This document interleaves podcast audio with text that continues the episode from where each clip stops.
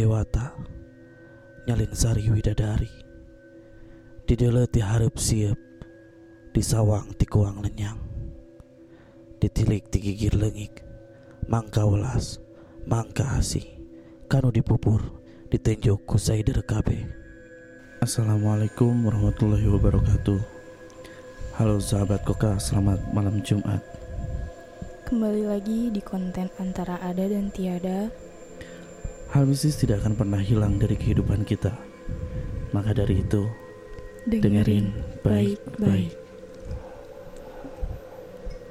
Kali ini di konten antara ada dan tiada di tengah di tengah-tengah kita sudah ada narasumber yang mungkin nanti akan menceritakan uh, pengalaman horornya apa aja yang bisa diceritakan nanti kita simak baik-baik sebelum kita mendengarkan cerita horor dari narasumber yang satu ini bahwa mereka tidak akan pernah hilang Mai. Yes. Akan selalu ada di mana pun kita berada buat kalian yang percaya akan hal ini berpandangan sesuai pandangan masing-masing begitupun yang tidak percaya. Betul. Baik malam ini kita sudah kehadiran narasumber yang akan menceritakan pengalaman mistis yang terjadi pada dirinya. Selamat malam Kak Gobet. Selamat malam. Gobet ini termasuk uh, berapa bersaudara? Dua bersaudara dan anak paling terakhir. Paling terakhir, bungsu ya? Iya. Bungsu. Balik lagi uh, soal tadi bahwa perkara mistis itu tidak akan pernah hilang di dalam kehidupan. Betul.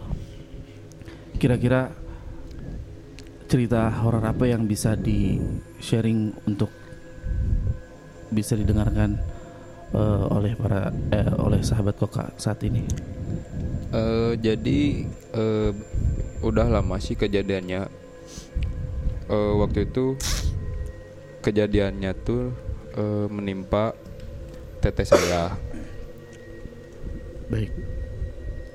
Uh, udah berapa lama? Udah cukup lama sih hitungannya udah bertahun-tahun ya? Hmm, iyalah setahun ke belakang. Hmm.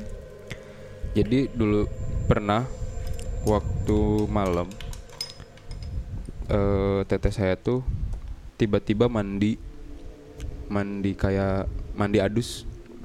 Betul. Iya. uh, uh, saya kan bingung ya tumben gitu. Kakak saya tiba-tiba mandi adus uh, jam 3 kalau nggak jam 3 atau jam 2 gitu.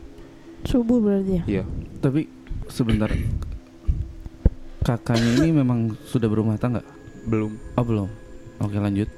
Uh, aku sih nyang uh, orang yang karena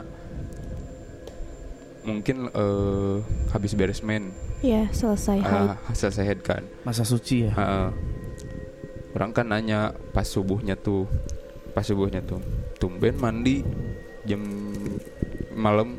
Sekitar jam 2 jam atau 2, jam 3 nah, ah cena kata tete tuh bilangnya ah cena nggak akan diceritain bisi sieun uh, bisi sieun tak iya. Kata aku tuh emang ku naon ya jadi uh, kejadiannya tuh teteh tuh lagi uh, tidur. Dia tuh ngerasa kayak ada yang megang kaki pertamanya. Hmm. pada malam itu? Ha -ha. Uh, langsung lah bangun kan dia tuh. Kayak kaget kan? Pas langsung uh, berdiri kirain tuh aku, uh, disangkanya tuh aku tuh jahil. Hmm. yang mana ada ya jahil malam-malam gitu kan. Pas udah itu lanjut tidur lagi ah perasaan aja meren cenah. Lanjut tidur lagi. Nggak lama dari situ teteh teh ditarik lah selimutnya. Itu bener-beneran narik secara fisik. narik secara fisik. Bener-bener kayak di gimana Kayak aja ada kita orang. eh, ada orang kayak, narik ada kita orang, pelan-pelan hmm. gitu pas Dan Gobet pada saat itu menyaksikan hal itu nggak? aku nggak diceritain dia Oke, terus? pas nanya nanya ternyata eh langsung berpikiran teh wah hantu nih cenah kayak gitu Ya ada makhluk. ada makhluk makhluk makhluk kayak gitulah Hmm. Aku kan masih eh, masih nyate masih ah masa sih gitu di rumah gitu di rumah sendiri gitu kan Iya. masih nggak percaya walaupun disebutnya borangan gitu kan di rumah Hmm. Borangan itu sama dengan penakut ya? Iya. Iya, penakut. pas nyerita cerita lagi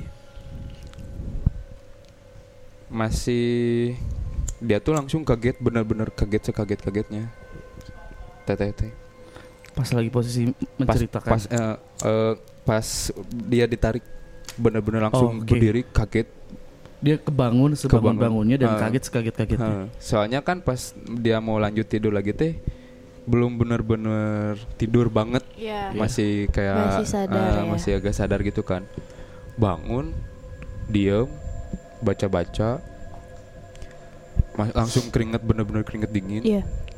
Panik ya? panik Eh, langsung aja dia teh eh, mandi lah gitu man, eh, adus gitu kan takutnya gimana gitu kan eh sholat tahajud ketika sholat tahajud aja tuh kebenaran si kasur yang dipakai teteh tuh kasur tingkat Ranjang. ranjang Oh, Otomatis oke. ada kolongnya. otomatis iya tapi yang di teteh rasain tuh waktu dia lagi sholat aja tuh sholat tahajud tuh si kasurnya tuh digoyang-goyang Goyang gitu ya. digoyangin benar-benar kelihatan sampai sholat itu kan nggak jadinya tuh nggak Nggak husu. sampai digebrak gitu si Kakak kasurnya Gobet itu tidurnya di yang bawah atau yang di atasnya? yang di bawah soalnya yang di atas udah nggak dipakai soalnya kan eh, jadi di rumah tuh eh, posisinya tuh kamar tuh ada dua Betul. sekarang tuh kan kita eh, tinggal berdua nih. Jadi kasurnya beda, eh, kamarnya beda Mm. nah pas ke kebenaran kejadian itu tuh kan eh teteh teh eh, nggak lama minta tuker tuker kamar lah Iya iya. Nah, pas kebenaran eh kita tukeran, Hmm. nggak lama Teteh tuh pulang ke rumah mama di daerah Pacet, Hmm. Pacet Majalaya. eh, Pacet Ciparai. Ciparai. Oh iya Ciparai ya. Pas kebenaran rumah sendiri, Gobet saya lagi sendiri, kebenaran kamar itu pas kamar yang itu gitu, Yang teteh. yang teteh tukeran. Sama kejadiannya, Menimpa kamu. menimpa jam segitu juga sama. Di hari yang sama. Harinya Beda. beda, Beda. eh beda berapa minggu kalau salah. Kalau aku kan kebenarannya tuh eh habis main game eh kebenaran ngantuknya tuh setengah tiga. Baru dikasih Nah, ngantuknya. baru dikasih ngantuknya tuh otomatis kan udah tidur eh tidur lah gitu. Pas udah sama kejadiannya si mata juga belum belum bener-bener nutup belum masih agak sadar-sadar tidur juga kalau aku posisinya lagi tidur digoyangin Digoyangin maksudnya? si kas si ranjangnya Ranjangnya. ranjangnya Dan itu benar-benar literally goyang. bener goyang sampai Kayak gempa gak sih? bener kayak kayak gempa kayak digoyangin kayak gempa gitu. Aku kan makanya nanya kan malam eh, paginya tuh aku nanya eh Ai tadi ada lini gak sih atau gempa Mm, malam tadi nggak ada Oke. Oh, karena konotasi Gobet pada saat itu teh Gempa gitu ya. Gempa, Ah, bukan. Pikirnya. iya Belum bukan. mikir Iya. situ.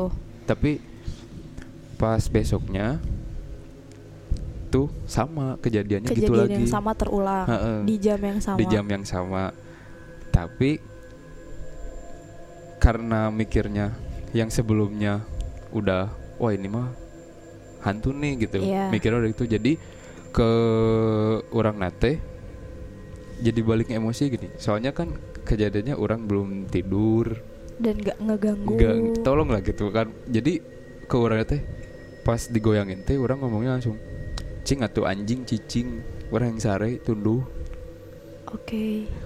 langsungnya diem Dengan beraninya kamu ngomong Eh, kayak gitu. karena orang tuh posisinya bener-bener capek Iya. capek belum tidur baru juga mau bener-bener mau tidur banget Baru rebahan gitu ya. Eh, baru-baru be- eh, jadi si mata teh udah mau Sayup di alam lah. sadar Mm, gitu kan Ya.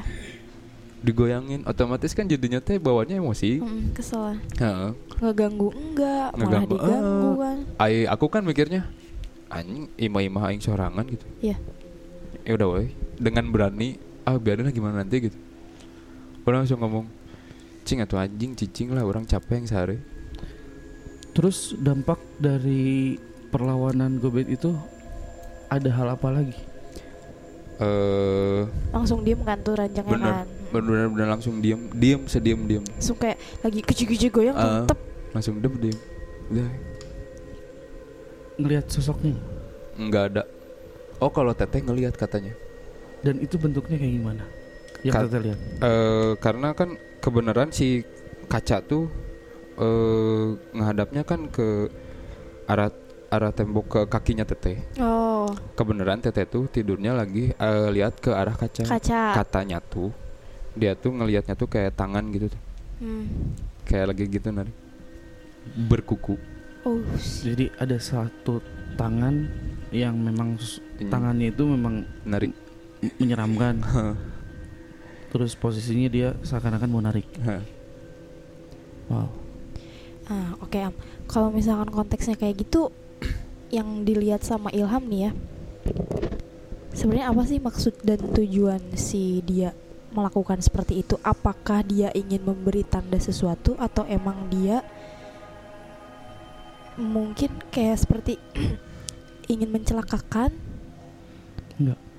Jadi memang sudah perjanjian dari sebelum kita diciptakan karena berasal dari Nabi Adam.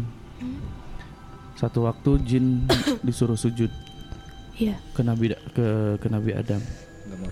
Cuman jin menolak. ya menolak. Karena dia merasa paling gagah dirinya diciptakan dari api. Nah,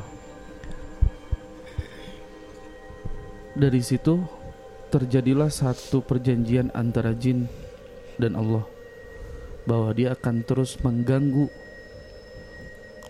bahkan menyesatkan Umat. anak cucu Nabi Adam. Makanya hal-hal seperti itu memang eh, terjadi karena perjanjian itu. Jadi seperti emang udah tugasnya dia seperti itu. Iya. Memang tugasnya seperti itu. Nah, adapun dari ketakutan kita yang terbentuk dalam sugesti Hmm. lalu mereka mendeteksi itu pun akan mereka realisasikan dengan bentuk gangguan. Bisa juga dengan menyerupainya. Betul. Menyerupai apa yang kita halusinasikan. Selain daripada cerita Gobet, aku juga pernah sat- punya satu cerita yang ini benar-benar ngundang Emosi. atau ngundang emosi terus bikin bulu kuduk berdiri Hmm. betul-betul berdiri aku dulu sempat punya rumah di Balenda eh, di daerah Munjul Oke. pulang dari Dago jam setengah dua Malam. ya tiba-tiba pas lewat Munjul itu ada nenek-nenek yang minta tolong Jang eh anterin emak ke portal jadi setelah Munjul itu ada satu portal yang mau masuk ke komplek yang de, yang udah lewat ini bukan bukit iya itu Oh. kan Munjul teh bukitnya oh, iya. Nah, kita ketemu di pas bukitnya. aku naikin lah karena memang rasa iba kasihannya nenek-nenek jam segitu ya Iya, pakai mobil. Enggak pakai Motor. motor, pakai motor. Nah, pas ngobrol, pas dia naik, itu bener-bener dingin banget. Badan aku tiba-tiba jadi dingin banget. Ngobrol, aku tanya, eh, Ma Timanten, Ma dari mana? Iya. Ma mati portal, cina. Udah balik ke sana ke portal. Mama kiwe tiap poe. Ya, ma itu setiap hari Setiap kayak hari gini. seperti itu. Heeh. Bade dijajab ka bumi atuh ante cenah da mama di portal we. Tah, abis gitu kit pas nyampe portal si Ma bilang gini hatur nuhun jang kasep Oke. mohon mak pas mau diturunin udah nggak ada Tapi. ngomong eh, Udah nggak pas ada. bilang nuhun mak Makasihnya. pas nuhun. makasihnya sadar. Sadar sadar suaranya sadar. Jadi pas beratnya masih kerasa. Eh, nge- ngebonceng gitu ya. ngebonceng. Pas dilihat nggak ada. Dan itu aku ngegas motor. Udah nggak inget. Lubang. Kecepatan lubang. Bahkan waktu itu papi aku masih belum bangun eh masih belum tidur kan. Pintu depan aku tabrak sampai si engselnya lepas. Saking paniknya. panik. Saking panik. Dan besok harinya Pak RT Pak RT di situ ngalamin hal yang sama. Dan aku cross check kan ada satu hansip yang memang jaga di pos itu Selalu di pos di portal Se- itu. Iya selalu di portal itu. Eh, aku ceritain, sudah cuma bilang kayak gini. Tenan naon jang, oh panggil si emak. Jawabannya gitu. Ya, Dan ternyata ya memang itu salah satu eh, kayak penghuni. ya jin yang ada ada di wilayah ada di Wilayah. wilayah itu. Itu bener-bener ngeri banget. Sampai pada akhirnya pas di rumah itu kan terus terngiang-ngiang ya. Pasti Terus apalagi mukanya jelas gitu ya. Iya, apalagi Benar-benar lihat. mukanya jelas. Nah, dua hari setelah itu, aku mau tidur karena memang aku tuh sering banget begadang waktu itu. Sering begadang. Pas mau tidur, dengan sua dengan jelas suara si nenek itu ngomong kayak gini. Cingti berajang ulah di pikiran. Shit. bete Dengan suara yang sama ketika dia ngomong makasih. Ya. Itu Terus sih. respon kamu? aku aku baca doa yang waktu dulu diijajahin sama guru aku Hasilnya? dan pada akhirnya dia tem me- mem- memberikan rasa terima kasih karena udah di, Kasih di ya dikasih enggak udah dikasih doa dalam bentuk doa Oh, jadi maksudnya si nenek itu selalu numpang sampai portal itu apa? kata aku nggak tahunya lebih persisnya kayak gimana kata masyarakat di situ mah memang dia teh mewujudkan dirinya nggak sama orang yang sembarangan Oh, orang-orang tertentu. orang-orang tertentu dan orang-orang tertentunya aku nggak tahu kayak gimana Dan Eh. kamu salah satunya. ya kalau misalkan kayak gitu eh eh, pernah ada kayak cerita dari cerita masyarakat kayak dulu tuh ada nenek gimana nggak itu atau memang emang emang penunggu ya memang penunggu karena dari kita tarik dari sisi sejarah ya dari beberapa babat ada kan sejarah Pasundan itu ada dari babat Banten, babat Bandung, ada babat Cirebon juga. Hmm.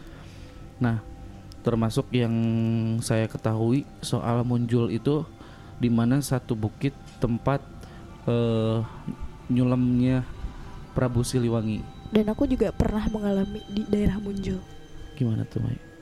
jadi gini waktu itu mamahnya Wilman Hmm. aku pernah cerita bet Belum. waktu tahun baru Wah, lupa. jadi gini waktu itu mamahnya Wilman itu minta tolong untuk nganterin adiknya Wilman ke pesantren Oh, iya. Pesantren Alba Alba Syariah gitu apa Al Basyariah Ya. di Cigondewa. yang di sana Yang yang, di- di Munjulnya Oh, iya. Oke. Eh, pada akhirnya, iya mah boleh kataku. Aku ingat waktu itu hari Selasa. Jam berapa kataku? Jam 2 aja lah dari sini katanya biar nyampe sana nggak terlalu sore. Karena kan kalau udah nganterin nggak mungkin langsung pulang tuh kan. Akhirnya aku mengiyakan. Karena kebetulan eh, mobil juga kan lagi nganggur. Ya udah aku akhirnya aku antar. Dan di situ bener-bener barang bawaan tuh seenteng itu. Maksudnya kayak cuman pakaian sama makanan-makanan ringan doang gitu kan. Karena kalau Hmm. makanan berat kan di pesantren dikasih ya. Akhirnya waktu itu aku pergi. Aku bawa mobil di dalamnya itu ada Wilman mamahnya sama adiknya dan bagasi di eh di dan barang-barang di bagasi kan nah jadi eh, buat nyampe ke pesantren itu tuh ada dua opsi jalan yang pertama lewat alun-alun Ciparai. Yang kedua lewat jalan jalan apa ya lupa pokoknya yang belokan kanan ada pangkalan ojek. Berenang siang. Nah, eh bukan sebelumnya dari sini belokan Cip- kanan. Siapa? Hmm, Jelokong. Pokoknya aku kurang Harja. kurang tahu ya nama jalannya apa. Pokoknya eh, mamahnya Wilman itu nunjukin lewat situ supaya katanya lebih cepat. Hmm. Ya aku kan nggak pernah nganterin tuh sebelumnya dan kurang tahu daerah sana kan. Akhirnya ngikut aja. Lewat ini apa? Penjara itu Lapas. lewat lapas. Enggak ada kayaknya. Enggak. Soalnya Pokoknya- kalau misalkan sampai ke alun-alun Ciparai kayak yang tahu yang uh, Baranang Siang yang ke atas. Oh. Nah. Mm-mm, terus Oke, udah gitu akhirnya udah aku ngikutin yang nunjukin jalan dong. Dari dari Bojongsoang tuh mobil normal, senormal normalnya. Hmm. Begitu belok kanan, kayak udah berat, berat banget. Kamu tau gak sih aku udah nging- injek gas sedalam-dalam mungkin udah angkat Sampai kupling, kayak ngegerung. ngegerung. Aku masih biasa. Tahu gak sih jalan yang di pas belokan ke kiri nanjak sebelah kanan kuburan besar? Jalan apa tuh? itu setelah Jelekong. Ah. Setelah Jelekong, Giri Harja, Ah, kan kita lurus nih. ah. Terus pas belok kiri, itu kan ada kuburan besar yang ke atas. Ya itu. Oh, Yang orang yang baru dekat tahu. yang dekat lapas. Oh. Yang mau ke lapas itu kan ke kiri setelah Ah, ke belokan. kiri, ya, ya. Nah, ini pas belokan itu. Nah, jadi. Posisinya itu, nah dari bawah tuh kan udah agak nanjak nih ya posisi. Aku yang mikir bentar-bentar. Yang Apa? sering ada mobil proyek bukan sih? Oh. mobil proyek tuh gimana? Yang gede-gede. Iya. Heeh, Mobil iya. truk truk yang L L. Nah, ada gitu. Posisi jalan nanjak kan, tapi Hmm. yang tahu nggak sih yang nanjak landai belum Iya, nanjak? iya, iya, iya. Nggak begitu nanjak di situ. Iya. Tapi pas nah udah gitu kayak ngerasa kok makin berat. Oh aku mikir yang mungkin beban gitu kan. Masih aku gas, nah belok kiri pas ngelihat oh makam. Eh, aku udah masih biasa aja. Dari situ nanjak nanjak aduh aku lupa pokoknya nama tanjakannya sempat masuk YouTube karena banyak kejadian. Hmm.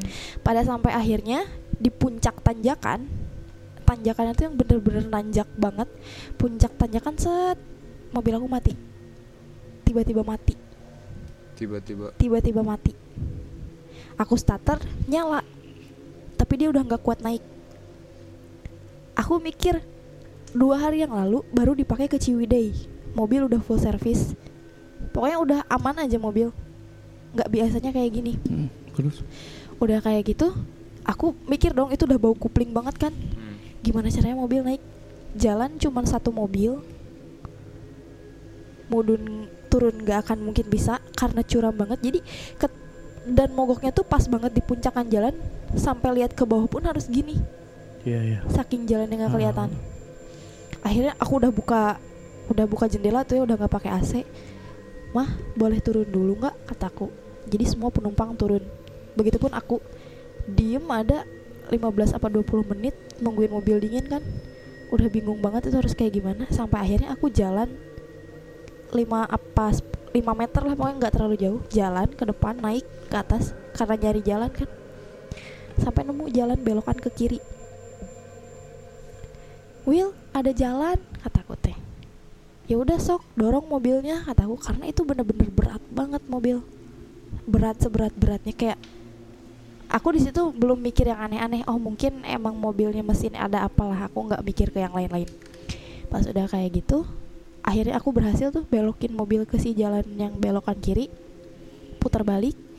Sampai bawah tuh aku bener-bener nggak ngegas nggak masuk kupling rem rem aja dan pada saat itu udah nyampe bawah ada kayak warung gitulah pokoknya. Iya aku ingat di situ ada kayak tempat buat truk-truk gede gitu. Ada warung aku berhenti. Buka kap langsung asap semua. Oh aku aku masih mikir oh ini mobilnya kataku kan. Hmm. pas udah gitu aku ke warung dong. Hmm. ada ibu-ibu nanya kayak gini neng dari mana? Itu bu mau nganterin Adi ke pesantren cina Napa neng meni lewat sini? Cina meni beranian cina Emang kenapa bu? kata aku teh. Ayi ku naon cina mobilnya ngebul kieu ya Ayi ini kenapa cina mobilnya sampai ngebul Hmm. gini Terus Hmm. aku ceritain lah bu. Eh am, mobilnya bu mati pas bener di puncak tanjakan tuh bener-bener mati. Terus eh, neng kumaha turun nah cina "Neng gimana turunnya? Nggak tahu gue udah nemu belokan ke kiri kata aku teh. Pokoknya jalannya bener-bener semobil dan kalau bahasa Sundanya tuh bala. Iya. apa ya? Bahasa iya bala gitulah pokoknya neng eta teh villa cenah. Villa kata muhun cenah anu bel eh, di puncak tanjakan teh ah meren ayah 2 meter tilu meter ayah jalan ke kiri. Iya bu ke situ diputerin. Nya muhun eta teh villa cenah. Terus ibu-ibunya kayak langsung gini eh, mengekspresikan kalau dirinya merinding. Iya. Dia dia dia ngusap tangannya dia ngusap tangan. Astagfirullahaladzim cina neng untung cina selamat kene kaget dong aku ngomong eh, denger ibu-ibu kayak gitu. Sampai kayak sampai dia nutup nutup mulut sampai astagfirullahaladzim neng cina alhamdulillah selamat kene penasaran dong. Nah emang kunaon gitu bu cina neng didinya teh rawan bisa cina unggal-unggal bawa motor mobil anu parem didinya sok teu tiasa uih deui. Kamari kamari pisan. Aya nu ngantunkeun duaan karena motor. Didinya di depan villa itu. di depan villa banget mamahnya Uil kayak langsung gak bisa ngomong kita ber aku mama Uil adiknya Uil sama Uil kayak bersyukur banget masih dikasih hidup Oke. dan ternyata aku pokoknya nggak lama dari situ aku cek YouTube mungkin sekarang masih ada cuman aku lupa nama tanjakannya apa Mm. emang di situ kayak terutama kayak jam-jam rawan gitu kan waktu itu pergi jam 2 lagi macet jam sana sampai sana tuh sekitar jam 4-an dan di cerita YouTube-nya tuh emang si tanjakan itu tuh sering kayak makan korban gitu. Udah kalau bahasa Sundanya ketanggar nih. Nah, terus nah ada di aku lupa nama tanjakannya apa, pokoknya ada di YouTube. Terus si warganya juga ngejelasin kalau emang di situ ada semacam penunggu yang emang dia suka mencelakakan siapa pun yang lewat situ gitu. Oh, Oke. Kayak ujung-ujungnya minta tumbal gitu. Eh, seperti itulah kurang lebih kayak gitu. Nah. Alhamdulillah sih aku masih hidup sampai sekarang kayak setelah ngedenger cerita itu. Bu, kemarin banget kamari pisannya ngantunkeun duaan remna blong dia posisi mau turun. Oh. Iya. Padahal itu teh orang situ yang emang udah tiap hari lalu lalang lewat situ dan nggak pernah. Tapi ketika itu aku ingat banget itu hari Selasa, berarti meninggalnya malam Selasa. Iya. Hmm. Oke dari Gobet sendiri kira-kira ada kes, ke, kesaksian apa lagi di rumah dengan kejadian horor selain hal yang tadi udah menimpa Gobet dan kakak Eh masih di rumah eh setelah kakak pindah ya pindah kamar kan jadi eh si, Tukeran. ya ke si kamar teteh itu jadi lebih ke arah ada jendelanya Hmm. keluar eh tepat selalu malam kejadiannya malam itu malam banget kayak dini hari gitu kan Hmm, hmm, eh teteh itu lagi denger kalau nggak salah lagi nonton Korea nggak tahu nggak nggak tahu lagi nonton apa gitu lupa Di kamar. di kamar bener-bener jelas bener jelas teteh tuh ngedenger ada cewek nangis. Terus? Eh, bener-bener ka- kayak kaget. Tapi eh, karena sering mungkin karena keseringan jadi eh, ujung-ujungnya tuh kayak bodo amat ya. Iya, udahlah terserah gitu. Terserah lah. Akhirnya sikap kakak Gobet itu jadi eh, acuh karena Hmm, memang karena udah terbiasa lah ya. apalagi kan eh, di keluarga tuh yang paling sensitif ke urusan hal-hal mistis tuh kayak ke teteh Kayak tete. Oh, oke.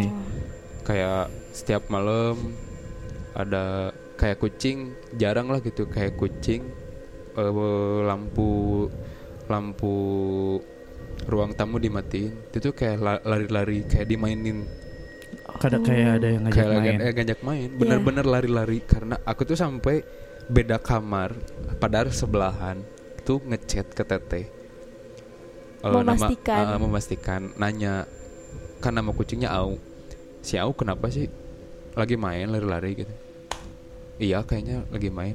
Main jeung saha kataku teh kalaupun misalkan ada kecoa juga nggak mungkin kok setiap malam gitu. Mhm. mainnya tuh setiap malam pak. Oh jadi si kucing ini dia ber Interak. bergerak ya berinteraksi nggak biasanya memang Ah. kayak seakan-akan ada sosok yang nemenin dia. Iya, Iya. ada yang Terus? main. Eh, usut punya usut. Ternyata setelah ada orang yang bisa ke rumah, Memanggil, memutuskan untuk memanggil ah, orang. eh, ternyata ya karena ada orang yang sirik. Oh, ke keluarga. Iya, ke keluarga. Kayak misalkan tiap malam kan di rumah tuh kanopi di luar tuh kayak kanopi yang seng gitu kan, Ya, kanopi seng yang kalau hujan berisik Ah, banget. Iya. Setiap malam pasti ada suara kayak eh, orang kayak ngalungin batu. Setiap Tak, malam tak gitu. batu gede dag gitu. Oh. Setiap malam. Kita kan nyangkanya kayak oh kucing meren lagi Jatuh. kawin gitu kan, Mm. eh, lari-lari gitu kan. Mm. Pasti kan mikirnya kayak gitu. Tapi eh kok setiap malam gitu. Kayak misalkan kucing lari-lari nih, dug dug dug dug dug dug. Hmm. Itu tuh tiap malam. Sampai sekarang Sek- eh, alhamdulillah sekarang udah beres sih berarti karena eh, diselesaikan ya. eh, eh, ada orang yang bisa ke rumah pertamanya Rukiah tuh rumahnya. datang siang-siang Hmm. yang dia lihat pas masuk ke rumah tuh rumah tuh berkabut katanya yang dia lihat Oke. Jadi nggak kelihatan apa-apa bener-bener nggak kelihatan Kabut aja Ah, gitu. kabut ya kalau dia masuk ke rumah tuh makanya dia tuh nggak nggak masuk ke rumah jadi kayak diam aja sampai eh, Pintu. pintu udah keluar lagi Kayaknya udah tahu. Ah, kayak oh, udah tahu. Terus eh, beberapa hari kemudian dia tuh bawa temennya. Hmm. Pas dibawa temennya, tolong dong gambarin di sini tuh ada apa Sosok. aja. Ah, Oh dia ternyata- memediasikan sosok yang ada di rumah Gobet dengan satu lukisan. Iya. Ternyata eh kaget sih ya aku juga soalnya eh nyangka. pas eh, pas kejadian juga eh aku tuh nggak ada di rumah kebenaran tuh pulang futsal yang karena eh ah aku juga lebih ke masalah-masalah gini kan ah males lah gitu Cuek gitu ya? cuek lah gitu ya udahlah gitu eh pas mau pulang ke rumah tuh mama tuh kayak lagi dibersihin badannya kayak Hmm. lagi di rukiah Iya. sampai muntah-muntah Oke. aku tuh mau masuk kan tanggung jadi diem dua di luar nah kebenaran pas di luar lagi nunggu tiba-tiba ada sekelebat bau harum banget tapi kayak beberapa detik ngelewat cet gitu Sempat kecium. sempet kecium Itu itu yang Gobet alami secara langsung ya. Bener-bener langsung lagi bener-bener sadar Dan kalau misalkan secara sosok sama Ah, sekali. sama sekali nggak ada Oke. Jadi dia kalau ke Gobet kan kalau ke kakak ber- pernah nunjukin kan Hmm. walaupun tak tangan gitu kan. tangan Berarti kalau ke Gobet ini lebih ke kayak suara atau suara atau kayak eh, benda penciuman, gitu kan, penciuman. nggak pernah nunjukin secara Ah. ini ke mana. nah setelah tahu karena kan itu dari sore banget ya Hmm. setelah tahu ada gambarnya ternyata yang sekarang ditempatin ke eh, kamarnya sama Kobe tuh Hah? sosok genderuwo Oh shit. sosok genderuwo itu tuh Kayak merinding. tugas tugasnya tuh kayak di kamar sama dapur tugas sih tugasnya Iya si genderuwo di ruang tamu ada meja makan di bawah Sumpah meja makan merinding. tuh ada kayak cebol orang-orang yang kerdil gitu kerdil sorry kayak orang kerdil tapi ada tanduknya. Hellboy Hellboy. Oh iya iya iya, iya. Nah kayak gitu. Tapi tugasnya dia tuh cuman di ruang tamu. Dan si orang itu tuh bilangnya emang sosok ini tuh sukanya sama kucing. Oh, ini oke ngajak sinkron oke sinkron. Nah yang waktu kayak ngegoyang-goyangin si kasur Ranjang. genderuwo aku tuh Oke. sempet anjing ngeri gitu kan Hah. biasalah gitu kan Iya, karena gitu karena kan. karena nggak percaya gitu kan nah yang ketiga itu tuh sosok cewek Hmm. tugasnya tuh dia tuh diam di kamar mandi Hmm. sama di kamar teteh yang sekarang oh berarti yang bekas kamar Ah, kamu ah. Ternyata sinkron lagi oh berarti yang malam-malam nangis teh ini ini oke ya terus kalau ada yang keempat ada pocong. Shit. Si pocong itu teh tugasnya diam di kamar mandi di belakang deket dapur. Eh pantes setiap malam tuh kayak ada kayak kayak kan ada ember gitu kan kayak Mm-mm. ember diangkat kita Iya, dikit nih suara. Jadi suara tapi tiap malam sama.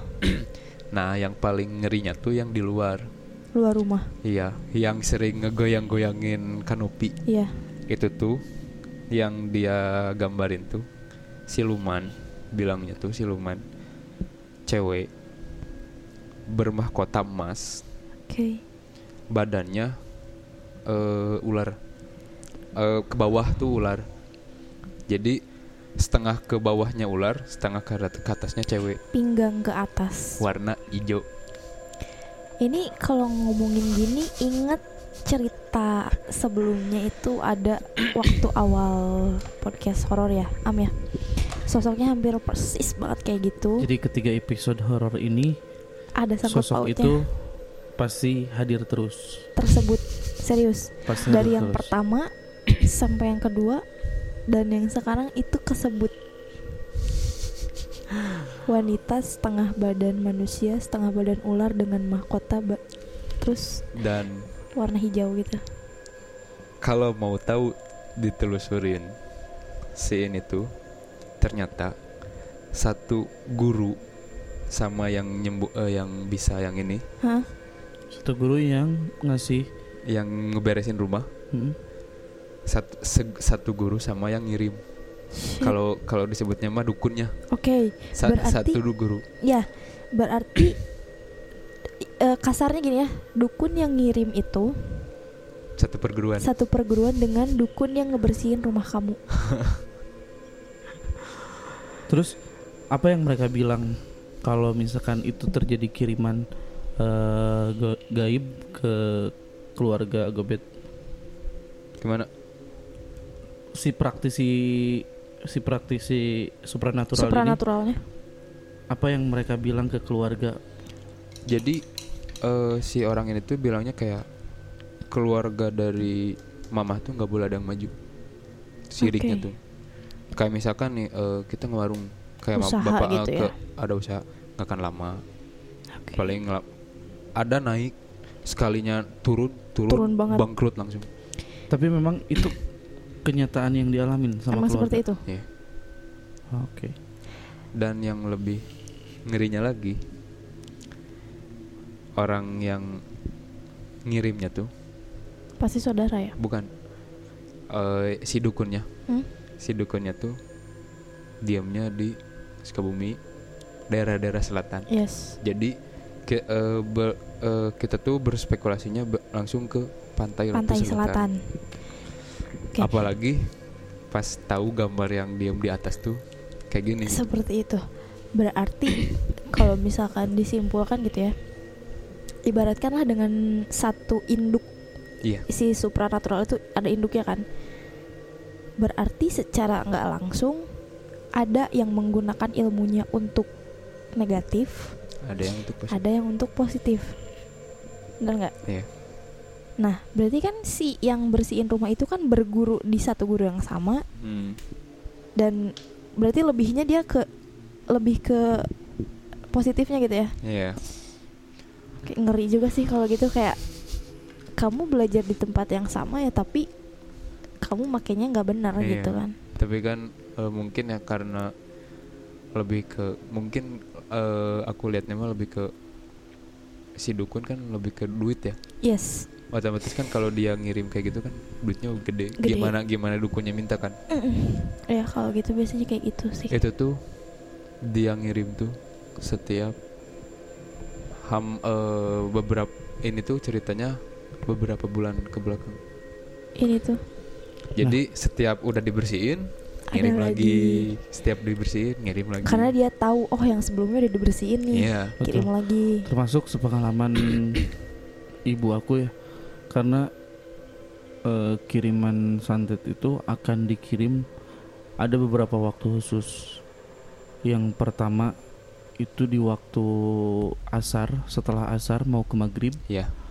yang kedua itu di jam setengah dua eh, dini hari ya karena di posisi itu tuh memang waktu khusus dan waktu yang tepat untuk mengirimkan santet. Ya, seperti itu. Ya. Sepertinya kita bertiga sama. Maksudnya keluarga aku pun pernah menjadi korban kayak gitu. Pasti ada aja sih. Baik. Dan yang sorry ya, yang paling lucunya tuh dia tuh pernah ngirim lewat sono suara. suara gimana maksudnya? Jadi eh, misalkan nih rumah rumah aku tuh kayak sama yang si bersihin tuh udah kayak di pagar nih, ah ah. tapi eh, lebih ke batin lah ya pagarnya. ya ya ya Kan susah nih buat masuk masuk Mm-mm. tuh. Sampai dia tuh ngirim ada telepon yang cuman suara Dia- kata si orang itu dia tuh ngirim lewat situ lewat sono suara sam benar-benar kayak si dukun ting ikutin Dia- zaman dia men- meneror dalam segala cara eh dalam segala Iya. cara ya. Ngeri Wow, sih. ngeri ngeri ngeri ngeri, ngeri. yang paling parah tuh yang terakhir sampai dia tuh ngi- ngirim kayak di paket. Oke. paket? Paket. Jadi eh si ininya tuh ke saudara adiknya mama Hmm. ke rumah sama ke warung mama. Ngirim paketnya? Ngirim paket sampai kayak gini pak. Percaya nggak percaya ya aku juga eh kepalanya ada di rumah saudara. Kepala apa dulu? Ular. Masih berbentuk ular sering seringnya tuh berbentuk kayak siluman ular eh, badannya manusia. manusia. Oke. Ba- dan kali ini paket yang dikirim memang eh, jenisnya ular. Sering. Oke terus? Yang terakhir tuh kayak eh kirimannya tuh setengah badan ke atasnya di rumah saudara badannya di rumah buntutnya di warung mama. Itu tuh jaraknya tuh yang satu di Gatsu yang kedua di Balena yang ketiga ekornya di Pacet. Ngeri nggak? Shit. sampai bisa kayak gitu cuy dia dia sampai berurutan ya? Iya. Wow. Iya, kalau kalau ngelihat jarak iya berurutan. Mulai dari ekor, badan, kepala berurutan ya sih? betul betul betul betul. Ini ngeri banget ya. Eh, kali ini benar-benar si sosok itu sudah tiga kali di sini disebutkan udah tiga episode sosok tersebut selalu hadir Maya Tapi sorry Am. Eh, gini ya. Kadang orang mikir kenapa sih harus sosok itu yang dijadikan apa ya dibilang alat gitu apa? karena memang untuk dari dulu sih emang dari zaman Nabi itu emang yang sering dipakai tuh ular kan betul ular yang dipakai santet bahkan di zaman Nabi Musa pun iya ular Oh gitu. Eh, Fir'aun mengirimkan santetnya dengan ribuan ular. Tapi untuk eh, mendapatkan jawaban secara spiritual lebih dalam, mungkin nanti kita menghadirkan salah satu narasumber yang memang berkompeten untuk menjawab hal tersebut. Baik, Oke. kali ini terima kasih banget Gobet udah mengeluangkan waktunya di sini udah menceritakan kisah horornya.